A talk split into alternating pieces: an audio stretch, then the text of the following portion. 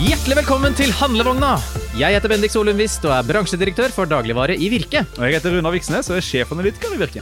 Og I dag har vi litt uh, underlig akustikk, kanskje, hvis ikke jeg klarer å fjerne bakgrunnsstøyen med litt sånn AI-verktøy. Det er ikke teknologien ennå, Bendik. Ikke sant? For vi står faktisk nå eh, på Majorstua i Oslo, rett utenfor Colosseum kino, inni et uh, slags partytelt fullt av teknisk utstyr. Ja, Flightkassene står rundt oss.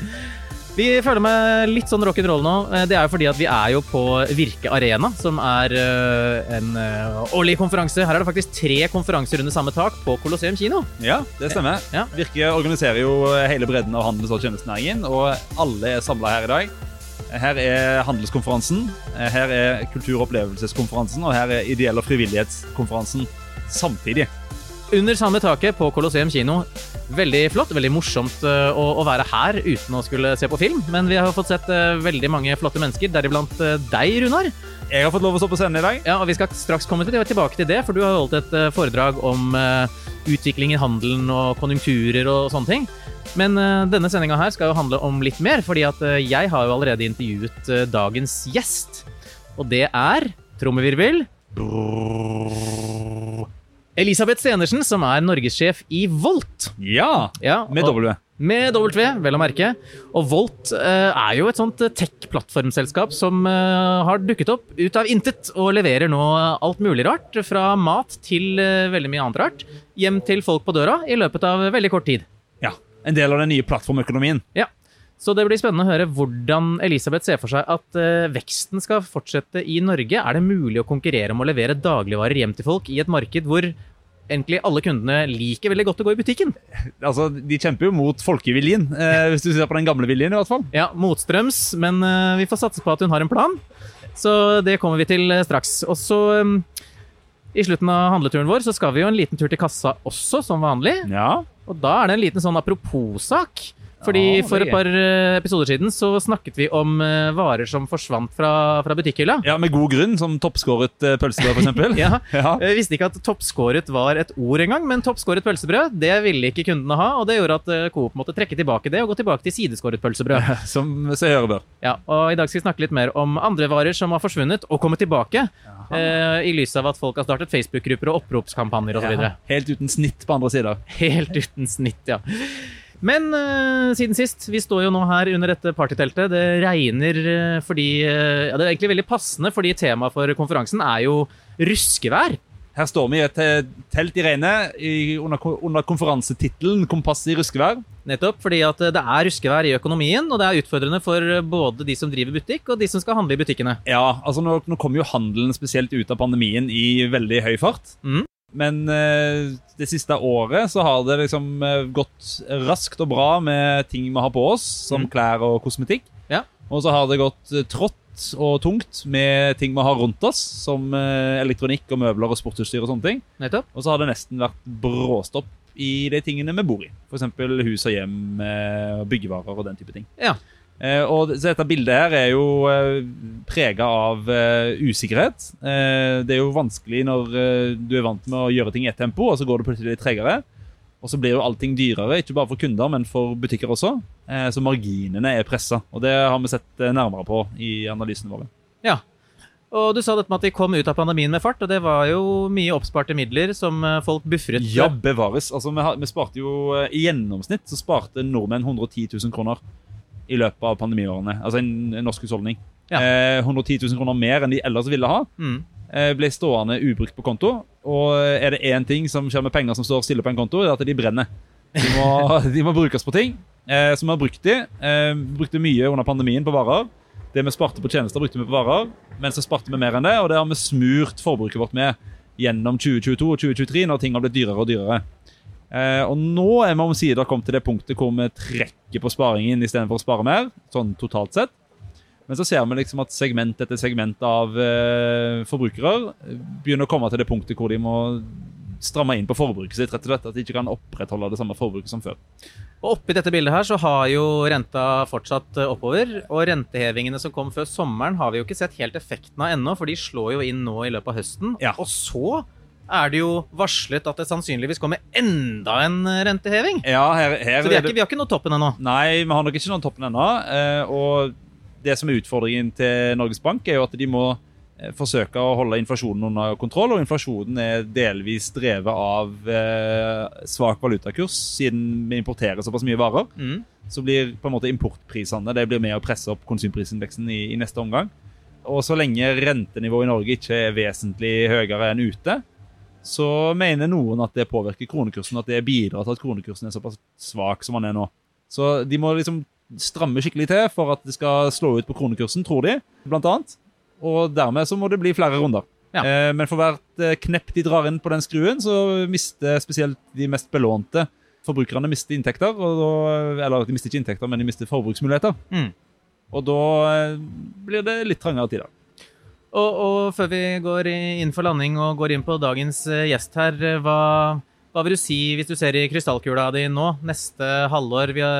Kan, du, kan du spå noe om eh, hva skjer med handelsnæringen? Og kanskje særskilt dagligvare, da? Altså En av høydepunktene på konferansen her i dag det er jo framleggelsen av handelsrapporten og Virkes handelsprognoser. Ja.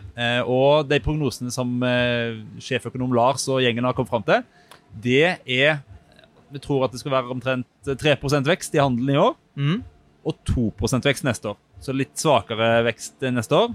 Eh, og det kommer spesielt til å være tøft fram til sommeren. Så Ja. en tøff høst, en tøff eh, vår, og så blir det bra fra neste sommer.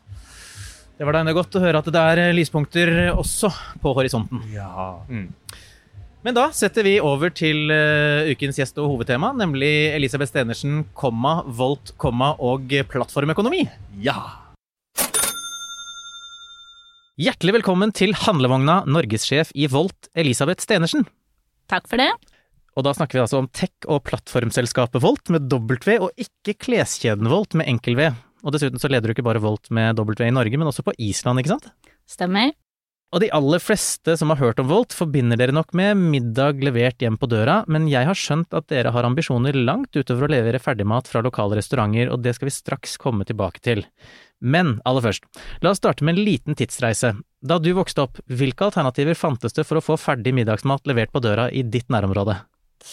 Ja, jeg vokste jo opp i Narvik, Ja. så, og da var det ikke så mange plasser som leverte hjem. Eh, da, hvis vi skulle ha, det liksom kose oss ordentlig en kveld, Mm. så bestilte mamma Peppes. Det var det som var valget. Du bestilte ikke fordi du hadde dårlig tid. Eh, det, var, det var liksom en god fredagskveld. Så hvis det var dårlig tid og ikke hadde tid til å lage, lage middag, så var det et speilegg på brødskiva. Så jeg vil si det var ganske, ganske lite levering av mat eh, hjem til oss. Så det var kun Peppes som var tilgjengelig? Ja, så vidt jeg husker, ja. Jeg husker eh, fra min egen oppvekst, det var jo da 80- og 90-tallet i Oslo, at da, da var altså Det var Peppes, Ja. og så var det Pizza og Kinaekspressen. Og det var de to jeg som hadde hjemlevering, og ellers så var det noen sånne lokale høl i veggen-pizzeriaer som du kunne liksom gå til for å plukke opp pizza, men, men det, det var det. Og jeg husker ikke helt når jeg oppdaget Volt, men plutselig en dag så bare var dere her. Og så kunne jeg bestille både sushi og pizza og indisk og burger fra mine favorittrestauranter rett hjem i stua. Så kan ikke du fortelle litt om selskapet? Altså, når, når kom dere til Norge, og hvor kom dere egentlig fra? Eh, vi er jo da et finsk selskap som og ikke så gammel, startet i 2015. Norge var egentlig et lite pilotprosjekt for eh, Volt. Eh, de hadde veldig lyst til å gå inn i alle de nordiske landene, og Norge var det som mangla. Eh, samtidig kom vi lenge etter konkurrenten, vi kommer til et veldig dyrt land. Eh, det er spredd befolkning, alle faktorer som egentlig gjør denne type tjenesten ganske vanskelig. Så man eh, prøvde seg i Trondheim først, 2018, og det var leda ut av Sverige på det tidspunktet. Så gikk man til Tromsø og gikk til Stavanger og fant ut at det her var liv laga. Så kom jeg på plass i slutten av 2019, og da rulla vi ut i Oslo. Og siden den gang så har det bare vært vekst og velstand? Eh, ja, eh, velstand er vel kanskje et kanskje mm, definisjonsspørsmål. Altså, det har, det har jo gått veldig bra, det, det kan jeg jo ikke si, eh, noe annet. Eh, første året mitt så gikk vi jo rett inn i korona, eh, og vi var åtte personer på et tidspunkt på Oslo-kontoret, eh, og var jo ikke rigga i det hele tatt for den veksten. Kjempeinteresse, som var jo selvfølgelig veldig gøy. Men jeg, tror, jeg bare husker det som et totalt kaos, for å være helt ærlig. Vi sto og bare Eh, uansett hva slags tittel eller jobb du hadde, så gjorde du tre ting, og det var å ta imot support-tickets, eller eh, rekruttere ansatte, eller få bud, eller eh, få restauranter på plattformen. Så det var gøy, men det var også slitsomt, så jeg vil ikke tilbake dit. Mens i 2021, da begynte vi. Da kunne vi begynne å, da hadde vi folk og kapasitet, og da kunne vi begynne å ekspandere. Da begynte vi å gå til andre byer. Da begynte vi å gå inn i, i dagligvare og inn i eh, butikkverden, som er vel det vi skal snakke litt om i dag. Eh, så da begynte det å bli skikkelig gøy, og nå, nå gjør vi jo veldig mye forskjellig, vil Ja. jeg si. Vi skal snakke om absolutt alt vi, dere driver med, vi. Eh, men vi må jo holde oss litt på der dere liksom startet med det å levere ferdig mat hjem til folk. For eh, som vi, vi starta med, altså det med å gå fra at du egentlig bare kan få levert pizza eh, fra én leverandør, og i løpet av Ja, nå har det jo vært litt utvikling, at noen restauranter har begynt å levere hjem, noen sushirestauranter og sånn, men, men til i dag hvor man egentlig kan få levert absolutt hva man vil, omtrent, så lenge restauranten fins innafor bygrensa. Og ja, hvordan liksom, hvor mange partnere har dere nå, eksempel i Oslo, da, som kanskje er det største dere har i Norge? Ja, I Oslo så er vi vel på ca. 800 butikker og restauranter. Mhm. Eh, I hele Norge tror jeg litt over 2000. Og så er vi jo kommet i 23 byer. Nå lanserte vi Arendal forrige uke, så da er vi på 23 byer nå. Så ja, det er ganske mange. Det er ganske stort utvalg i forhold til ja, det jeg og du vokste opp med, høres det ut som. Det kan vi trygt si. Og folk kjenner dere jo da, som vi snakket om, mest for dette med å få restaurantmat hjem på døra, men dette med dagligvarer som du nevnte i stad, kan ikke du fortelle litt om den satsingen der? Ja, den kom litt, litt eh, egentlig eh, midt i koronaen. Eh, det var kunder som, ikke bare i Norge, men i nedstengte byer over hele verden, da, som spurte Volt eh, i ulike land om eh, vi kunne begynne å levere dagligvare og apotekvarer, for det var sånne kritiske ting man trengte når man satt innestengt hjemme. Så tenkte vi ja, vi kan jo teste det.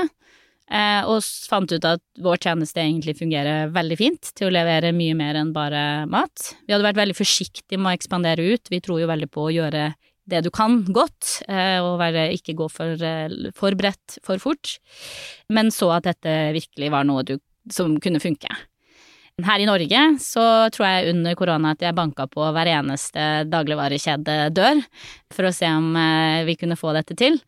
Men eh, vi var jo ikke helt klare fra vår side heller. Det var mer sånn eh, opportunistisk idé eh, enn å tenke på at dette handler jo også om kategoristyring, kjempestore varelager, levere tunge pakker, masse ting som ikke vi gjorde, og appen var jo ikke rigga. Hvis du søkte, så fant du jo Altså, funka jo ikke det godt, så det var mye vi måtte egentlig gjøre før vi var klare. Eh, sånn helt. Men det er litt sånn Jeg liker også jeg liker hvorfor jeg jobber her i Volt, da. Det er jo at vi tester og prøver og feiler litt. Og så fikk vi jo én partner fra start, og det har jo vært jeg håper å si, bærekraften i dagligvaresatsingen vår, og det er jo Joker. Ja. Så de har vært med i, noe, i flere år sammen med oss. Og det har vært eh, veldig kult, og det har vi lært av hverandre og bygget sammen eh, dagligvaresatsingen, vil jeg si, i Volt Norge.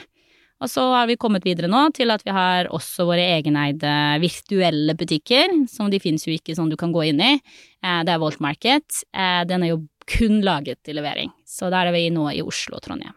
Men altså, en virtuell butikk, la oss late som at vi har noen litt eldre lyttere som eh, ikke er inne i VR-brille osv. Hvordan, hvordan fungerer det rent praktisk, og hvor hentes varene? Er det bare et lager? Ja, det var faktisk et definisjonsspørsmål. Er vi et lager, eller er vi en butikk? Mm. Eh, men det er, altså hvis du går inn i World Market, så er, ser det ut som en eh, butikk, og de er sentrumsnært, så det er ikke sånn som en, for eksempel en netthandel som Oda eller Meny.no, som har et stort lager, gjerne utenfor Oslo. Vi setter opp så store butikker som vi kan. Eh, vi har 4000 varer, men vi setter de sentrumsnært, så vi kan nå kunder raskt. Vi skal fortsatt gjøre dette på 30 minutter, så trenger du å ha kort avstand til kundene. Så, er det du- det dere har lovet kundene, at det er 30 minutter som er maks fra du bestiller til du får um, varene levert? Eh, vi lover egentlig ikke det, eh, for det kan jo være midt i eh, middagsrushet på at det, det kan ta lengre tid, og hvis det er ekstremt mange som bestiller samtidig. Men, eh, men poenget er jo at dette er raskt, og det er raskere enn de fleste andre alternativer som fins. Men eh, da dere startet opp, eh, nå prøver jeg å huske tilbake da jeg plutselig oppdaget at Volt var dukket opp som en mulig leveransetjeneste, var det sykkel som var liksom hovedtransportmåten? Nå er det jo biler, og det er jo veldig mange forskjellige måter jeg ser at Volt-varer blir levert. Det er jo to ting som spiller inn. Det ene er jo hva vi faktisk trenger. Eh, Det er ikke alt en sykkel kan levere, og særlig når vi har gått inn i butikkverden, så da trenger du biler. Eh, Samtidig så prøver vi jo å, å se på det bærekraftige og prøve å makse så mye bærekraftige alternativer som vi kan i porteføljen. Så er ikke det like lett, eh, for vi, eh, vi, må ha biler, og det er ikke overalt det er like stor tilgang til elektriske biler. Eh, bud, budpartner velger jo også selv hvilken transportmiddel de ønsker å bruke, og hvis du er i Tromsø og det er vinter, så går det stort sett i biler, for å si det sånn. Og budpartner det er da den som velger å kjøre varer for Volt? Stemmer. Ja. Vi holder oss litt på dagligvare, fordi nordmenn går jo veldig ofte i matbutikken, og det sies jo ofte at vi bruker nærbutikken vår som kjøleskap. Eh, og det er kanskje derfor vi har så høy butikktetthet i forhold til folketallet. Men hvordan skal Volt klare å konkurrere på leveranse av dagligvare via app i et marked der kundene er så glad i å gå fysisk i butikken?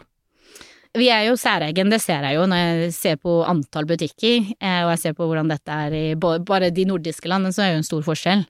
Men samtidig så tenker jeg at det er en mulighet. Det er jo et tegn på at vi er en, eh, vi er en befolkning som liker tilgjengelighet, og vi liker å ha ting raskt, og vi liker å ha det nært. Og det er jo akkurat det min tjeneste også kan spille på. Så jeg ser det jo rent som en mulighet, og et kjempemulighetsrom, fordi det er ganske lite tilbud i markedet.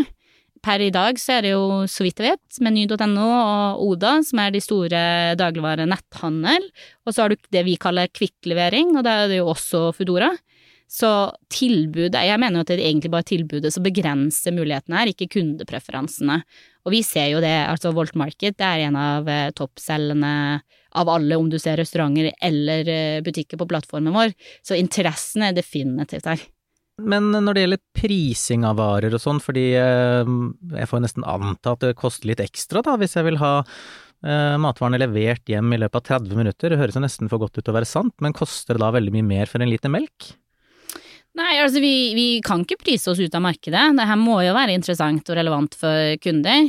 Så jeg tror eh, jeg håper å si Volt Market-sjefen vår, Joakim, han sier at vi, skal, vi, vi, er litt dyrere, men det skal være billig nok til at du kan gjøre storhandelen din hvis du ønsker. Mm. Og det er det vi satser på. Vi kan eh, vi, Og så prøver vi å presse liksom, prisene, vi som alle andre, og, og gjøre oss eh, konkurransedyktige. Så tror jeg jo alt handler om å også få skala, mm. og da kan det bli veldig interessant på pris etter hvert. Ja. Du nevnte et veldig viktig stikkord her eh, nå, eh, plattform, og det har jo vært nevnt eh, tidligere også, men dere er jo et, eh, et tech-selskap og et plattformselskap. Eh, men kan du fortelle litt mer hva det, hva det går i? Altså, for dere er jo ikke bare en matleveransetjeneste? Nei, altså, ja, jeg har vel egentlig aldri kalt oss en matleveringstjeneste, jeg har kalt oss et tekstselskap. Ja. Eh, og det er jo fordi at egentlig det vi har bygd opp, er jo en app, og, en, og du kan også gå på en, en nettside, og en stor, holdt jeg å si, teknisk base med algoritmer som skal få varene raskest mulig hjem til deg. Og det er ganske komplisert, men det de gjør, enkelt sagt, er jo at du eh, setter sammen tre parter, kunder, butikk eller restaurant og budpartner, som alle har, får noe ut av dette med å levere og hente og, og få levert, eh, tjeneste, eh, levert en eh, vare eller en ja, restaurantmat. Ja. Og hva får hver av dem ut av det? Jeg skjønner jo at ok, kunden får jo komforten i å slippe å gå i butikken eller på restauranten. Ja, så kunden får jo da akkurat det. De får jo eh, mat eller varer raskt levert, som vi snakket om, som ikke akkurat fantes eh, nødvendigvis før. Butikk eller restauranten får jo en tillegg, og det her tror jeg er viktig å skille hva vi gjør i forhold til andre. Vi henter jo fra en lokalbutikk. Så vi henter jo ikke fra varelager eller andre plasser, så vi gir jo en omsetning til lokalbutikken som legger seg på topplinja uten at det driver nødvendigvis mye faste kostnader. Du har allerede en leie. Så dette er bare akkurat som en klikk og hent i en butikk. Du kommer og henter, bare at det er en budpartner som kommer. Ja. Og budpartner, så er jo dette en veldig fleksibel jobb hvor du bare enkelt kan tjene penger. Du ja. swiper deg online, jeg har lyst til å jobbe på søndag, yes, er jeg oppe og går, og så tjener du penger, og så kan du swipe deg offline når du er ferdig. Dette høres veldig perfekt ut for eh, studenter eller andre som da plutselig har fire timer mellom forelesning eh, til å jobbe litt? Ja, det er jo det vi ser. Så det er en veldig populær eh, tjeneste for budpartnere. Vi har veldig mange som står i kø og ønsker den jobben, for vi, vi stiller jo ingen skift eller arbeidstider, du velger helt sjøl. Og så tjener man jo ofte da mer når det er mange leveranser, så det betyr at vi får naturlig flere som jobber når det er søndag og middagstider, for eksempel. Så det passer kanskje ikke for småbarnsfamiliene, men, eh, men kanskje for de som ikke har barn og er litt mer fleksible sånn sett. Ja, jeg tror vi har alle slags typer, for å være helt ærlig. Nei, men det er gjerne at du gjør dette ved siden av en annen jobb, eller studier, eller hva, hva det er. Ja. Men du, Volt er jo ikke det eneste selskapet som driver med denne typen eh, tjenester i Norge. Hva gjør dere for å skille dere ut i mengden av apper og leveransetjenester som allerede fins? Ja, nå mener jo jeg at det kanskje ikke er så mange, da. Eh, nå er det jo flere som også har prøvd og ikke klart det, og det er jo for at Norge er et dyrt og komplisert land å drive med dette. Men hvis jeg skal bare se på de som er her, så vil jeg jo si det første er jo at vi skiller oss fra den tradisjonelle netthandel, hvis du har Oda eller menyen.no, ved at, eh, hvor rask vi er. Mm. Eh, vi henter som sagt fra en lokal butikk, vi har kort avstand til kunde, vi har rigga hele logistikken på en helt annen måte, for vi har ikke planlagt logistikkrute som gjøres dagen før, sånn at du derfor må også få det levert dagen etter. Alt det gjøres jo i sanntid eh, med en algoritme. Mm og den henter det budet som er nærmest eh, butikken eh, for å levere. Mm. Så det er raskheten, vil jeg si først og fremst. Når du ser på konkurrenten som er direkte mot oss, som på sanntid, så er det vel Foodora. Og der spiller vi hardt på utvalg. Så større utvalg, større butikker. Og når du ser på Joker, som vi har på plattformen vår, da kan vi også spille på tilgjengelighet. At vi har prøver jo nå i alle 23 byer vi er i, så hvis det er en joker, så kan du få en dagligvare på hjem til deg. Mm. Og felles for både Joker og Walt Market er jo kundeservice. Eh, svare på ett minutt, tilgjengelig, kan løse alle floker. Likte du ikke grønnsaken som kom med, så kan vi fikse det der og da. Mm. Så det tror jeg ganske, skiller oss ganske fra andre. Vi har jo også eh, kommet med noen ganske spennende tjenester. Den ene er jo Volplus. Det er vår abonnement, abonnementsløsning. Jeg liker jo å kalle det Netflix for levering. altså eh, abonnement, altså må man, må man, huske å avbestille mat, eh, eller så kommer det plutselig masse mat på døra? Nei, det er Nei. ikke det. Men eh, du betaler, du betaler 99 kroner i måneden. Ja. Eller tror jeg under 1000 lav hvis du vil ha et årsabonnement, som vi også har startet med. Det gir meg. Uh, og det betyr at uh, hvis du da ofte bestiller mat, uh, dagligvarer, varer, og det du bestiller det for avstander under tre kilometer, så får du gratis levering. Nettopp. Så hvis du bestiller to-tre ganger i måneden, så er dette verdt det. Så kan du egentlig gjøre livet ditt ekstremt enkelt, så jeg er jo Volt Pluss-kunde selv, selvfølgelig. det overrasker meg ikke. Og så har vi noe som heter Walt for Work. Det er jo da at vi går etter bedrifter og da gjør det også veldig enkelt for dem å bestille, og det jo, begynner å bli veldig interessant på dagligvaresiden. At du da kan bare lage en handlekurv, eh, få bestilt til, til, kontoret det du trenger, og du får det levert med en gang, og ha like stor convenience som du har som privatkunde på Volt. Nettopp. Ja ja, da får vi håpe at det er noen bedrifter som hører på, da. um, jeg nevnte innledningsvis at du også er sjef for Volt på Island, og der starter dere opp først i mai i år. Hvordan har det gått siden oppstarten? Nei, Island har vært supergøy eh, å være med på. Eh, det har gått eh, over all forventning. Eh, vi var jo litt sånn nervøse, må jeg jo si, fordi det er ikke mange tjenester sånn som oss. Det er ikke noe Uber eller taxi heller av den slag. Jeg pleide å si jeg, i, jeg gjør det dyreste du kan gjøre på levering, som er eh, last mile, og jeg gjør det i det dyreste landet, som er Norge. Og nå har jeg funnet et enda dyrere land som heter Island. Ja, du får prøve deg på Sveits neste gang, da. Ja, så, så, det liksom Så det har vært eh, Så vi var helt ærlig litt sånn Går dette? Men eh, ekstremt, jeg vil si ekstremt velkommen land eh, for bedrifter. Var oppe og gikk, og, fikk både budpartner og restauranter mye raskere enn vi trodde. Og nå er vi vel oppe i 200 restauranter og butikker i Reykjavik, og eh, ja, leverer jo en tjeneste som det ikke eh, eksisterte før. Største konkurrenten vår er Domino's. Oh ja. Så det Apropos pizza.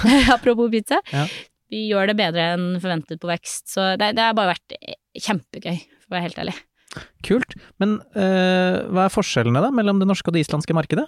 Eller er de ganske like? Nei, det er noen forskjeller. Det er lik på kostnad, spredd befolkning, lite befolkning, som sikkert forklarer hvorfor det ikke er så mange andre tjenester eh, som oss. Men så er det noen sånne kuriositeter. Islandske kunder bestiller seinere, så vi måtte utsette leverings- eh, eller åpningstidene våre ja. for å tilpasse oss det.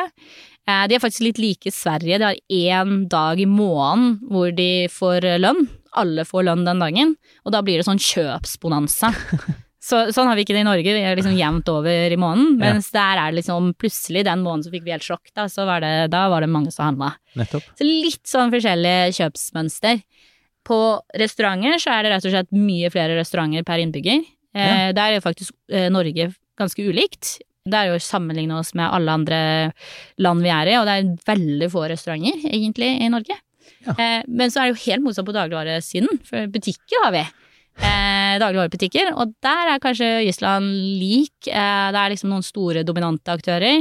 Og så er det, vil jeg si, eh, ikke kommet så langt på nettsatsing. Og det jo, vil jeg jo også si er Norge ganske likt på. Og hva med Norge sammenlignet med alle de andre landene der Volt eh, opererer? Altså Har vi noen særegenheter utover det du nevnte nå som gjør det ekstra utfordrende eller enkelt å lykkes i Norge? Er det sånn, er vi, er vi bedre på teknologiadopsjon, sånn for eksempel at vi starta tidlig med smarttelefoner og sånne ting, eller eh, er vi ikke noe annerledes enn andre europeiske land? Altså, de nordiske landene er jo ganske digitale, da. Mm. Eh, og sånn sett tidlig til å adoptere teknologi og, og digitale løsninger. Norge er kjøp, Kunden kjøper sjeldnere, men når de kjøper, så bruker de mer. Mm. Så større handlekurver, men eh, og, ja, lavere kjøpsfrekvens. Mm. Så det har vært interessant å se Norge, fordi på ordreantall så var jeg ofte ganske sånn i lavere segment av alle 27 land vi er i, mens hvis jeg så på omsetningen, så kunne jeg toppe ganske høyt. Nettopp. Så, så det, det vil jeg si er ganske kuriositet hos oss. Som du har nevnt, eh, så er det ikke så mange aktører som leverer mat eh, som man kan bestille på nett i Norge. Eh, Og noen av de som har forsøkt seg, og fortsatt fins, har jo ikke akkurat drevet med veldig stor lønnsomhet. Så det er jo utfordrende å entre et marked hvor folk er så vant til å gå i butikken. Men hvordan er det med lønnsomheten for dere i det segmentet dere har trådt inn i, med lokale nærbutikker som varene plukkes fra? Det er vanskelig, det skal jeg si med Ja. en gang. Det er vanskelig i Norge med lønnsomhet. Samtidig så visste vi jo det når vi, før vi gikk inn i et land som Norge, og vi visste det i Island. Mm. Eh, vi har jo fordelen med at vi har bygd dette med veldig lite investeringer, og egentlig det vi trenger mest av alt er eh, gode economies of scale, da. Du Mm. trenger skalafordelene. Du trenger å bli store så du får nok leveringer på hver budpartner, og får effektivitet. Og der er vi jo nå, og sånn sett har vi på Volt Market eh, eh, Jeg vet ikke om jeg kan akkurat si akkurat hvor vi er på tallenes tale der, eh, av konkurransemessige hensyn, men vi, jeg tror vi helt klart skal kunne lage veldig god både vekst og omsetning, eh, og bunnlinje på, på Volt Market-siden også. Mm.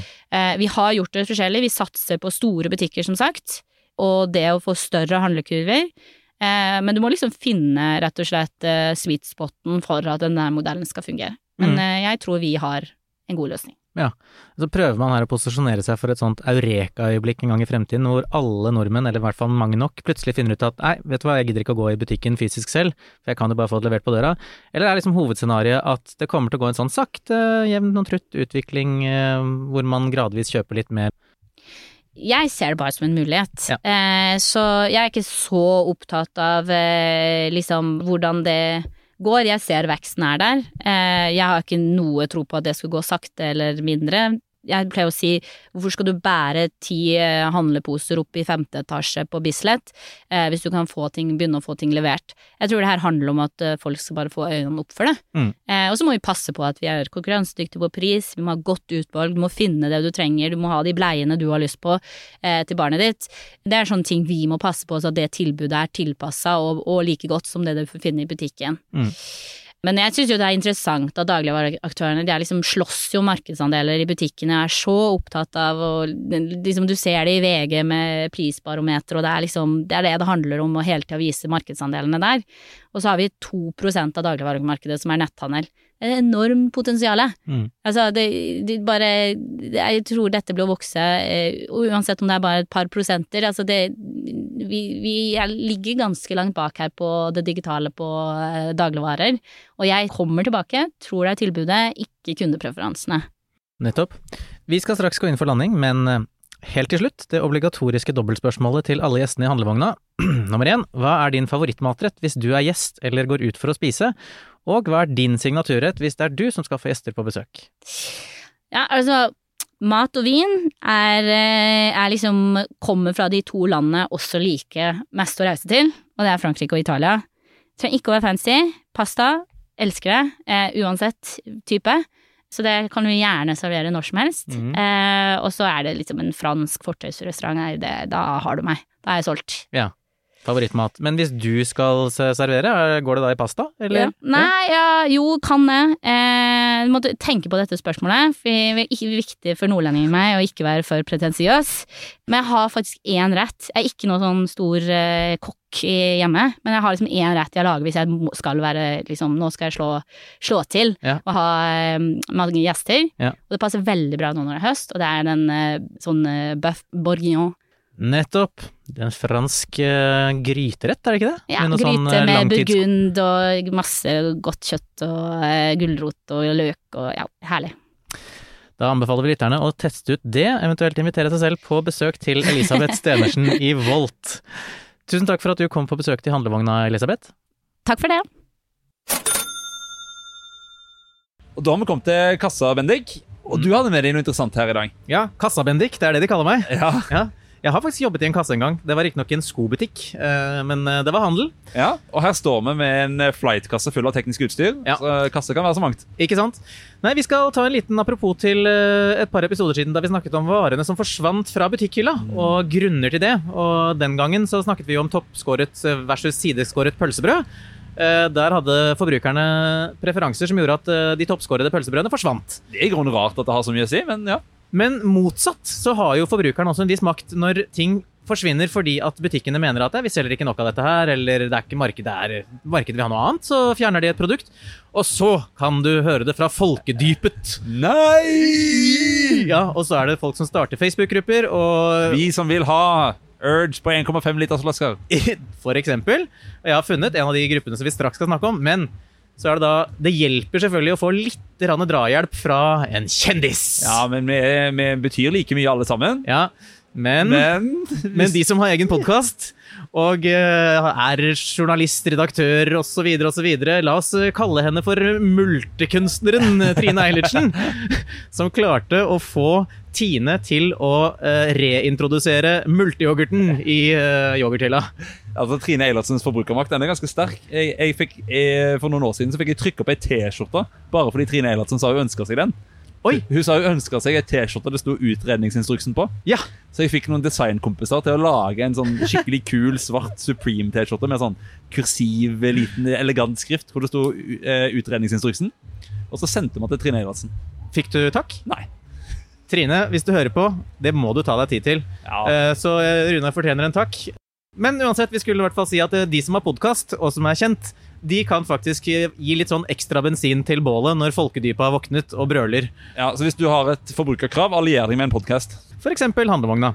Um, ja, så multeyoghurten den har nå kommet tilbake igjen, og Trine har allerede rukket å snakke om den på Aftenpodden. Ja. Mm. Har, har du opplevd at det har vært utsolgt for den yoghurten noen gang? Nei, jeg, jeg tror kanskje det var noe av grunnen til at Tine trakk den fra markedet. Nå er den i hvert fall tilbake, så får vi se hvor lenge den blir.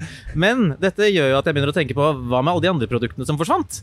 Ja. Uh, og eh, for eksempel eh, Et av de produktene var jo Husker du Soho-sjokoladen? ja, den husker jeg. Ja. Den, den som uh, så litt uh, tredimensjonal ut. Ja Og en sånn, si. veldig sånn hard plastikkinnpakning. kanskje? Veldig hard plastikk, eh, og så var det noe sånn yoghurtkrisp eh, inni. Ja. Ja. Og den har jo sin egen Facebook-side. Få Nidars Soho-sjokolade tilbake med 1900 medlemmer. Så, så, men foreløpig så har ikke de fått podkast-drahjelp. Men det er vel nok til at de får stille liste i et lokalvalg? ja, det- Vi får nesten anta at de gjør det.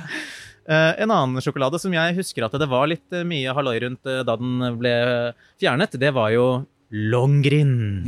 Eller Lohengrin, som det skrives. Lohengrin. Som egentlig er Lohengrin, som egentlig er en, en lang konfektbit. Ja. Fylt med sånn hvitt slim, som eh, når du tar en bit, så bare renner det ned på fingrene og blir sittende i munnviken som eh, sånn sjokolade som gamle damer pleide å spise. Den, den, eh, den røyker vel da det kom sånne uh, brukerdesignere inn i uh, godteributikken. Antageligvis.